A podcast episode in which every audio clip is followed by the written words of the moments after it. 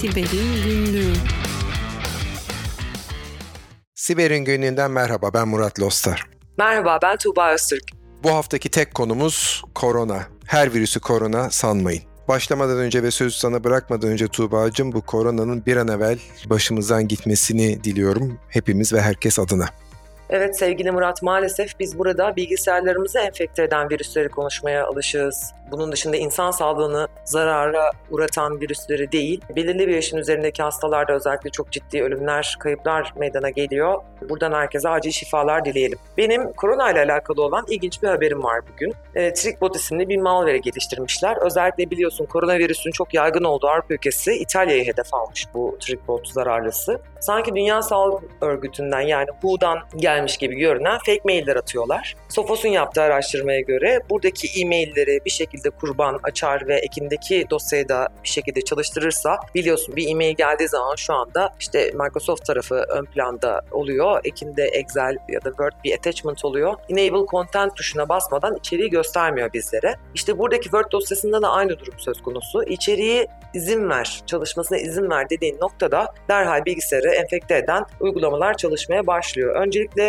bu uygulama bir makro çalıştırıyor. Hemen kurbanın bilgisayarındaki çerezleri çalıyor. SSH key'leri, daha sonra Active Directory servislerini, işte bunlara ilişkin kullanıcı bilgilerinin bulunduğu bütün veri tabanlarını ele geçirmeye başlıyor. Ardından PowerShell Empire veya e, Cobalt Strike çalıştırıyor. Bunların üzerinden de Ryuk zararlısı, daha önceki haberlerimizde bahsetmiştik, Ryuk zararlısını devreye alıyor. Yani aslında bir değil birden fazla malware çalışıyor kişinin bilgisayarında. O noktadan sonra tabii ki hem kurbanın kişisel bilgileri saldırganların eline geçmiş oluyor hem de bilgisayar o noktadan sonra artık zombi bilgisayar haline geliyor. Maalesef işte siber saldırganlar da böyle insan sağlığını tehlikeye atan virüslerden bu şekilde faydalanmış oluyorlar Murat. Evet Tuğba'cığım ne yazık ki böyle ve hani ben de geçen hafta sonu pazar günü bir e, paylaşım yapmıştım LinkedIn'de. Think before you click tıklamadan önce düşün diye. Çünkü saldırganların hiçbir etik, hiçbir sağlık, hiçbir insani duygusu yok. Onların amacı az çalışmayla çok para kazanmak, az çalışmayla işte elde etmek istedikleri başarı neyse buna ulaşmak. Ve bunu yaparken dolayısıyla işte o günün trend topiği neyse, o günün önemli konusu neyse onun üstüne atlamaktan çekinmiyorlar. Bu bazen keyifli bir konu olabiliyor elbette. İşte ne bileyim bir e, spor müsabakası gibi. Bazen de şu anda içinde bulunduğumuz gibi tüm dünya etkisi altına alan bir epidemi ya da işte bir savaş olabiliyor.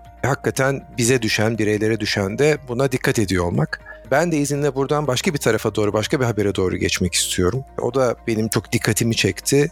Bu saldırı dediğimiz konuda aslında günün sonunda senin de çok iyi tanımladığın gibi bir takım hackerlar, siber saldırganlar var. İşte amaçları da insanların bilgisayarındaki bilgileri çalmak, oradan da daha da ileriye doğru ilerlemek. Google'ın bir haberi Google Android Play Store'dan bir yazılımı kaldırdığını söylüyor COVID-19 ile ilgili.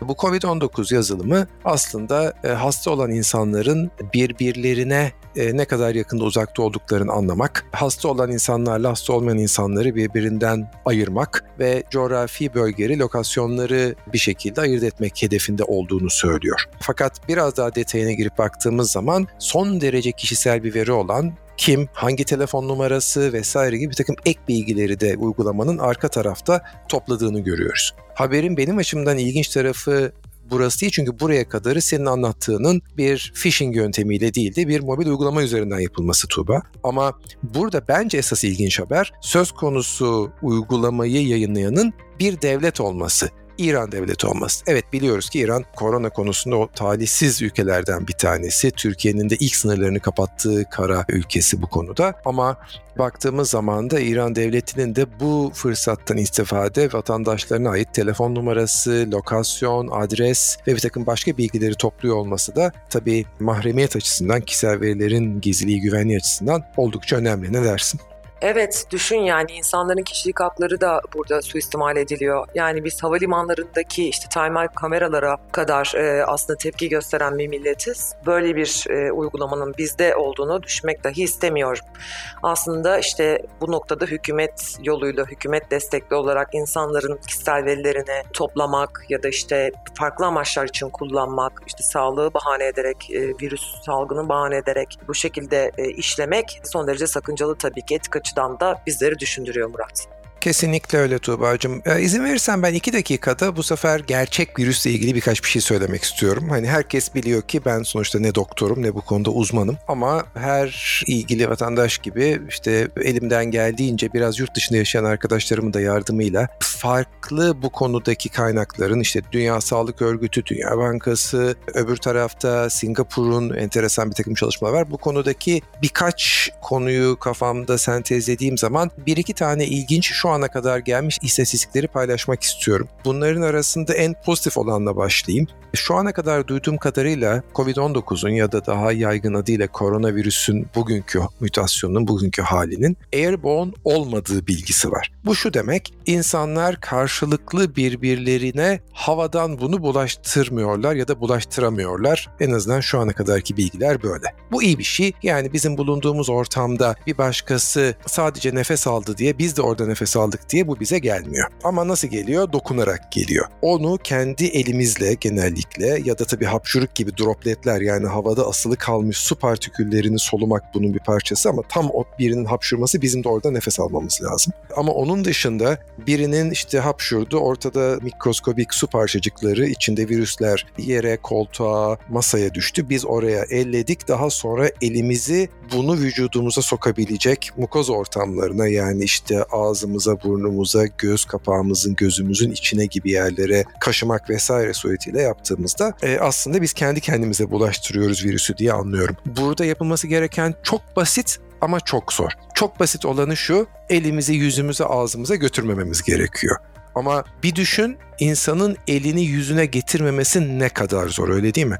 O yüzden de sık sık düz su ve sabunla elimizi düzgün bir şekilde yıkamak e, ya da mümkün olan yerlerde tabii onun da deriye belli zararları var ama hani yine de kendimizi korumak adına tıbbi alkolle temizlemek aslında önerilen çözüm.